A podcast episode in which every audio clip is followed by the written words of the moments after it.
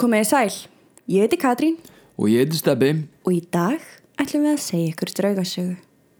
Við erum stödd á East 4th Street í New York borg. Þetta er típisk annasum gata í þessari stórborg. Framkvæmdir er í gangi á gömlum húsum, matarbílar eru tilbúinir í hádegistörnina, gulir leigubílar stoppa fyrir fólki sem kallar á meðan aðrir ganga rösklega í haustveðrinu. Allir í sínum eigin heimi.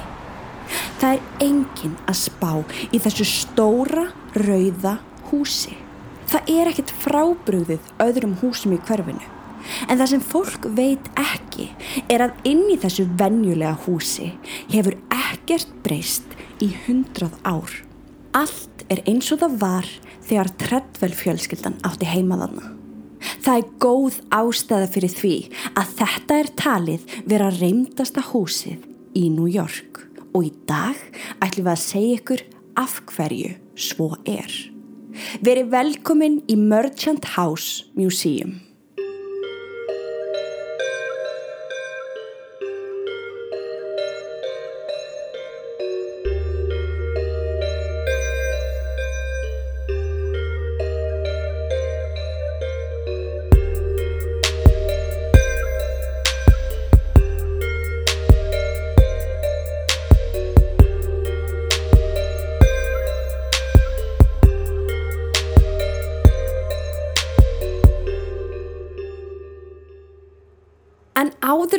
Tölum um reymleikan í húsinu er nöðsynlegt að þið þekkið Treadwell fjölskylduna. Árið 1798 kemur ungur maður að nafni Seabury til New York frá Long Island til að frista gæfunar. Hann var aðeins 18 ára gammal en er staðráðinn að ná langt í lífinu. Hann byrjaði að starfa við vélbúnað og hjælt sér við þá starfskrein allt sitt líf. Árið 1820 þá orðin færtugur kvænistan Elísu Parker sem var dóttir mannsins sem hann leiði húsnaði af. Ok. Hún var aðeins 23 ára gömul og hann færtugur. Vá, já, smá aldrei smurður á það. Ok. Næstu 15 árin eignastu hjónin sjö börn. Elizabeth, Horace, Mary, Samuel, Phoebe, Júliu og Söru. Árið 1835 hættir Seabury Treadwell að vinna og fór á eftirlaun. Þá kaupir fjölskyldan húsið við East 4th Street. Hann var þarna orðin 55 ára gamal en þau hjónin eignast eitt barn til viðbótar þá áttunda barnið sem þau nefndu Gertrúd. Hún fæðist inn í húsinu árið 1840. Aðeins þrjú af Treadwell börnunum giftu sig. Elizabeth sem var elsta dóttið þeirra giftist lögfræðing. Mary giftist kaupmanni og sonur þeirra Samuel giftist sér tvísvar. Fyrsta konan hans dó og hann giftist setni konu sinni árið 1884. Í dag eru aðeins sex lifandi afkomendur Treadwell fjölskyldunar og þeir afkomendur koma engöngu frá Samuel og konunni hans. Vá, merkilegt. Já, og þau áttu átta börn. Sérstakt. Sagan um þessa fjölskyldu er umdild en hún hljómar svona. Sara, dóttið þeirra hjóna, var í leynilegu ástarsambandi við mann og hún varð ólétt. Þegar barnið fæðist svo að heimili fjölskyldunar fær pappunar einn af þrælunum til þess að stela barnin hennar, fara með það undir húsið í gegnum leynihurð og drekja því í East River. Sara var svo miður sín að hún drekkur eitur og fremur þannig sjálfsmorð. Þetta er hróttaleg saga en það eru engar skjálfestar heimildir um að nákvæmlega þessi atbyrður hafi gerst. En það sem við vitum fyrir víst er að dóttið þeirra Phoebe dettinuði stigan í húsinu og deyr og yngsta dóttið þeirra Gertrúd býr með pappa sínum allt sitt líf. Þegar hann deyr þá heldur hún áfram að búa í húsinu og breytir engu. Húsið var alveg eins og fadir hennar hafði skilið við það. Hún deyr svo inn í húsinu fátæk og ein árið 1933. Eftir að hún deyr stó húsið aukt í þrjú ár og það var ekki hreift við neinu þanninni. Öll búslóðin, allar skreitingar, allt heimilið er eins og fjölskyldan hafði það í þessi hundrað ár sem þau bygguð þarna. Árið 1936 var heimilinu síðan breytt í sapn og opnað fyrir almenning en engu hefur verið breytt. Ok, það er ótrúlegt. Já, af því oftast er, Húsgögn færð, eitthvað, þú veist, einhver annar sem flytur inn eða ætlar að gera það upp. Já, oft svona mann fólk og þetta var svona þessum tíma við skulum reyna að búa til Já, einhver- sömu eftirlíkingu. Já. en þannig er bara allt, við erum að tala um rúmin, eldustólar, skápar, þú veist, Allt einbú allt innbú. Já, Ef þau eru ekki búin að skoða myndirnar sem fylgja sögu dagsins inn á draugasögu.com þá langar mig aðeins að útskýra fyrir ykkur hvernig húsið er. Þetta er raukt múrsteinshús á fjórum hæðum. Fyrstu þrjár hæðirnar sjást vel. Það eru átta hvítir gluggar í grískum stíl með grænum gluggarlerum framan á húsinu en svo má sjá tvo hvíta þaglugga efst á þakinu sem er fjóraða hæðin. Sú hæð var engungu fyrir þræla fjölskyldunar. Því á þessum tíma tíðkaðist að eiga þræla. jú, jú Sex tröppur leiða á útidyrahurðinni sem er hvít og yfir henni er grár bogi. Síðan er grænt grindverk í kringum húsið. Húsið er náttúrulega alveg við gangstíðina þar sem fjöldin allur á fólki lappar svo Já. girðingin og tröppurnar ná að aðskilja húsið aðeins frá götunni. Já, þetta er náttúrulega mjög annarsamari borg þar sem Mhm. að, þú veist, já, húsin eru yfirleitt alveg upp við stjættina Já. Og, og einmitt, margir sem að lappa þarna framhjá bara hverjum degi en hafa ekki hugmynd um sögu húsins Nei, en það eru samt alveg nokkur svona hús. Já. Þú veist, það er ekki eins og í alvörun að það sé neitt frábröðuð. Já, ok, það, veist, vá. þegar, ég skoðaði göttuna þá er alveg nokkur svona rauð hús sem eru svona svipuð akkurat í þessum stíl já. Ok, starfsfólk sapsins áttaði sér mjög fljótlega á að húsi var í reynd skrítin sterk lykt finnst í sumum herbergjum kuldablettir eru hér og þar um húsið kvísl og rattir heyrast í veggjónum og á efri hæðinni heyrist fótatak þó að enginn sé þar uppi Píanóleikur hefur heyrst á kvöldin en píanóið hefur aldrei virkað síðan húsinu var breytt í sapn. Síðan fóru gestur að minnast á leikarana sem þeir komu auga á í leðsöguferðum. En starfsfólk svaraði þeim undrandi og sagði þeim að það væri engi leikarar í húsinu. Þá hefðu gestur greinlega séð fólk sem var ekki af þessum heimi. vá, það er eins og í Winchester Já. Svo sem sést oftast er kona sem starfsfólk vil meina að sé yngsta dóttir Treadwell hjónana, hún Gertrúd. Hún fættist inn í húsinu og dó í sama herbergi, þá 93 ára gömul. Vá, Fólk hefur líst henni sem ungri konu en aðrir segja hún sé gömul. Hún sést oftast í herberginu þar sem hún dó, sitja á rúminu eða horfa út um gluggan. Hún hefur líka sést við útidyrahörðina. Sýburi Treadwell sjálfur hefur sést á safninu. Starfsfólk og gestir hafa greint frá því að finna fyrir óútskýranlegri nærveru í kringum það inn í svefnherbergi á annari hæð. Gestir hafa meira að segja að tala við hann. nei Í eitt skipti var par að rölda um safnið og þegar þau komið að steganum sem leitt upp á aðra hæð stóð maður í vegi fyrir þeim. Hann stóð þar sem fastast með hendurnar réttar út til hliðana og baðu vinsanlegast um að yfirgefa húsið. Þau snúa við og halda áfram að rölda um fyrstu hæðina og þá sjáðu mynd af Sýböri og viti menn, þau voru vissum að maðurinn eða andinn sem hafði sagt þeim að fara hafi verið maðurinn á myndinni. Úf, gæsa húð mm Vá Samstarfsaðali vikunar er Les Rose Studio.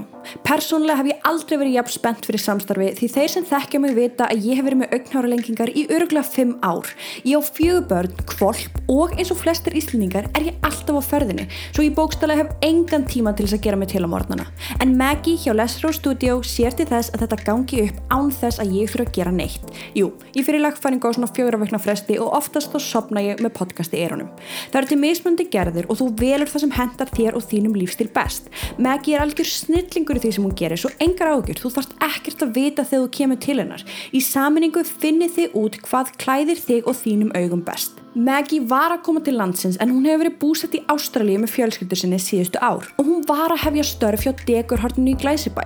Ég hef ekki áhuga að auglýsa eitthvað sem ég ekki þekki en þar sem ég fer alltaf til Maggie sjálf þá veit ég að þú ert að fá góða og persónulega þjónustu. Þú getur bóka tíma inn á degurhortið.is eða senda henni skilabóð á Instagram undir nafninu Les Rose Studio. Árið 1960 fær paranormal rannsakandi að nafni Hans Holzer áhuga á safninu. Holzer er risastórt nafn í paranormal heiminum og það er nöðsynlegt að þið þekkið hann vel því við munum klárlega koma til með að segja ykkur meira frá honum og hans málum í framtíðinni. Alveg bókamál. Holzer var bandaríkjamaður, fættur í Austuríki 27. janúar 1920 og var alþjóðlegur paranormal rannsakandi og var kannski þekktastu fyrir rannsók sína á Amityville-húsinu þar sem Ronald Defoe myrti alla fjölskylduna sína árið 1974. En við tókum það hús fyrir í þætti sem við gáum út fyrir áskrifundur í draugasögu fjölskyldinu og kynnslóðinni. Já, það er einn af mínum uppáhaldstáttum verið að segja. Já. En já, hann kom svolítið eftir Warren hjónunum í Amityville húsið Ok. Og vinkun okkar Laura Dio sagði viðtalið við okkur þá hérna voru Warren hjónin þau vildi ekki taka neina greiðslu fyrir sína þjónustu Nei, nei. en hans Holzer vildi fá greitt fyrir sínar heimsóknir Ok. og hann er náttúrulega sama tíma rosalega stórt nafn þau eru þarna bara, veist þau eru Warren hjónin og svo er það hans Holzer -hmm. bæði að gera voða flotta og góða hluti og reyna að hjálpa í þessum málum hann skrifar yfir 160 bækur á Já. sínum ferli Já, einmitt. Vá. þannig að hann er alveg risa nafn í þessum heimi Holzer lauk doktorskráðu í sálfræði við London College and Science og kom svo til með að kenna fæið í New York Institute of Technology. Þráttur að vera doktor í sálfræði kallaði hann sig paranormal rannsakanda og það var hann sem bjóð til hugtækið og ég ætla að segja það á ennsku The Other Side sem er mikið notað í dag. einmitt Vissulega notaði Holzer alls konar búna þegar hann rannsakaði mál en hans uppáhalds aðferð sem honum fannst virka hvað best var að nota miðil sem andinga til að nota til þess að koma skilabóðum á framfæri. Á íslensku getum við talað um trans. Miðilin í ákveðið trans ástand og á meðan geta andar notað líka um hans eða hennar og rödd. Já, og þetta er svona öðruvísi tegund af miðli sem sagt þessi trans Já, já. það sem að samskiptin getur rauninni átt sér stað í gegnum þessa manneski Já. sem að býri yfir þessum hæfileikum. Það eru náttúrulega margi þættir og kvikmyndir sem hafa verið gerðar um hólser og, og bækur hans eru náttúrulega bara mikið notað sem bara námsefni andan dag í dag. Dóttir hans Alexandra Holzer hún heldur áfram hans, svona, hans vinnu og e- eiginlega svona í, í sagfræðilegum hérna, tilgangi frekar heldur en paranormal endilega hún vil svona komast að sannleikanum og það eru menn eins og Dave Schrader og önnur nöfn sem að hjálpa staða að komast til bots í þeim málum sem að enn býða eftir svörum Já, af því hann var með ótrúlega mikið af málum sem að kláruðust aldrei. Nei, mitt og líka fólk verður átt sig á því að þú veist, árið 1960 við vorum ekkert með þessi tækja tól sem við erum með í dag. Nei, þú veist. þannig að það var mjög erfiðara að fá svör. Einmitt en það sem er svona best við Holzer er að það er svo rosalega vel dokumentað Já. hann tók upp hverja einustu heimsókn upp á segulbandstæki og videokamerur og er ítarlega skrifað um hvert og eitt. Já, hann lifði fyrir þetta sko.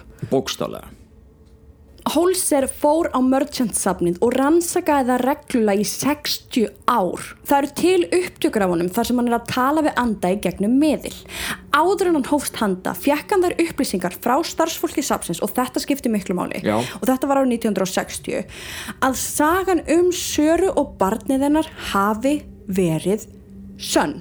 ok, Þannig að hann fær þessar upplýsingar og það er náttúrulega alltaf mikilvægt fyrir svona paranormal rannsækjendur að fá réttu söguna í byrjun svo Já. að viti í rauninni hvernig það getur unni málið. staðreindir versus orðrómur Einmitt og hann fekk bara þá staðreind að Já. það hafi verið Sara sem hafi eignast þetta barn og barninu hafi verið drekt. einmitt En svo er líka svo mikilvægt að taka það fram að í gegnum árin og í gegnum tíman það koma fram, þú veist, fleiri vittnisspurðir frá fólki og alls konar svoleiðis og oft verður sagan skýrari. -hmm.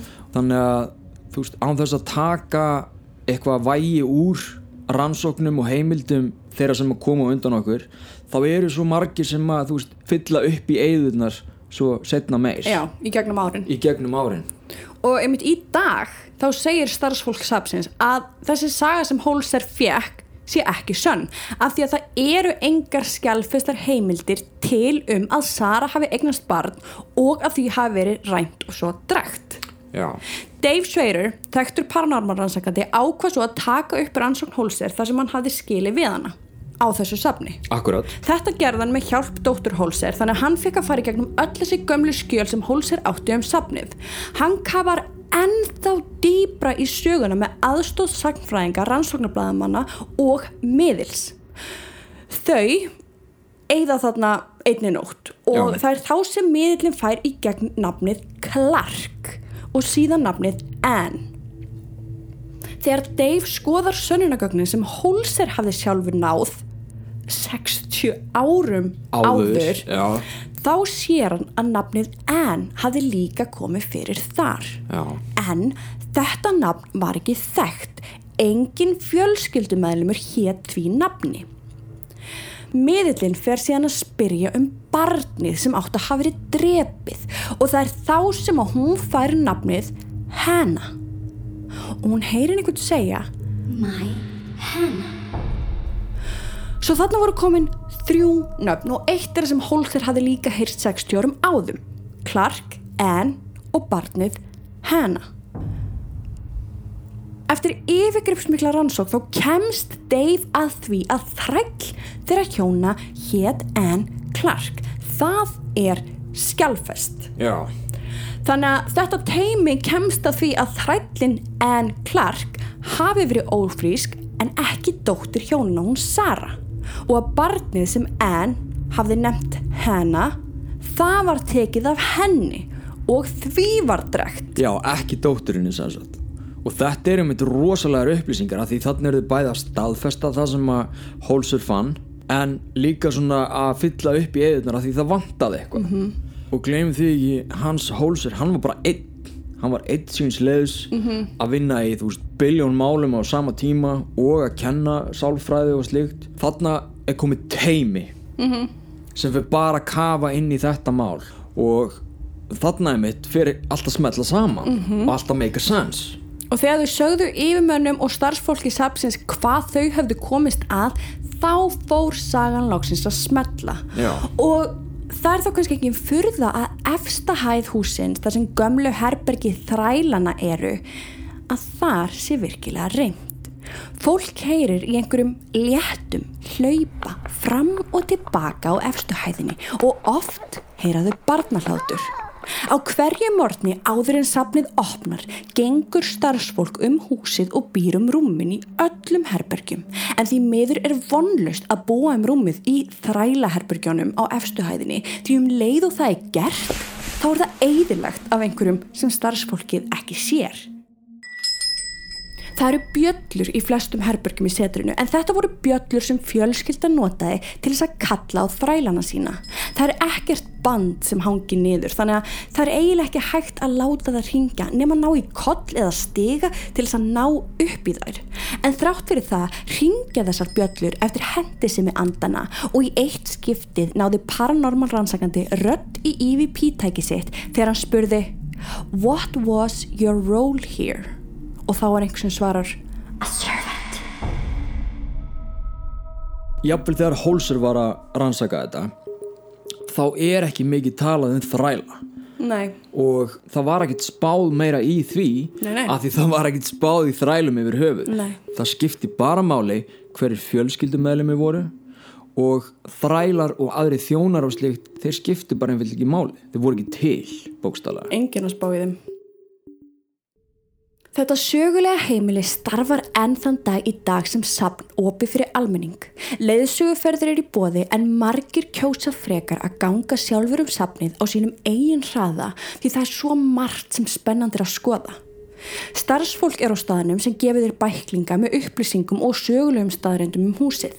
Síðan eru þeir með bækling um paranormal hluti sem hafa gerst inn á sapninu en þá er ekkert að nálgast á skrifstofunni þeirra ef óskað er eftir. Mundu, allt sem er inn í húsinu er orginal, sem er alls ekki algengt, svo maður getur ímynda sér orkuna sem hefur varðveist í veggjum, gólfum og húsgögnum. Andarnir sem svífa um gangana þekka hvern einasta krók og kema og þeir hafa sagt að svo lengi sem við erum tilbúin að muna eftir þeim og bera virðingu fyrir munum þeirra, þá eru þeir ekki að fara neitt.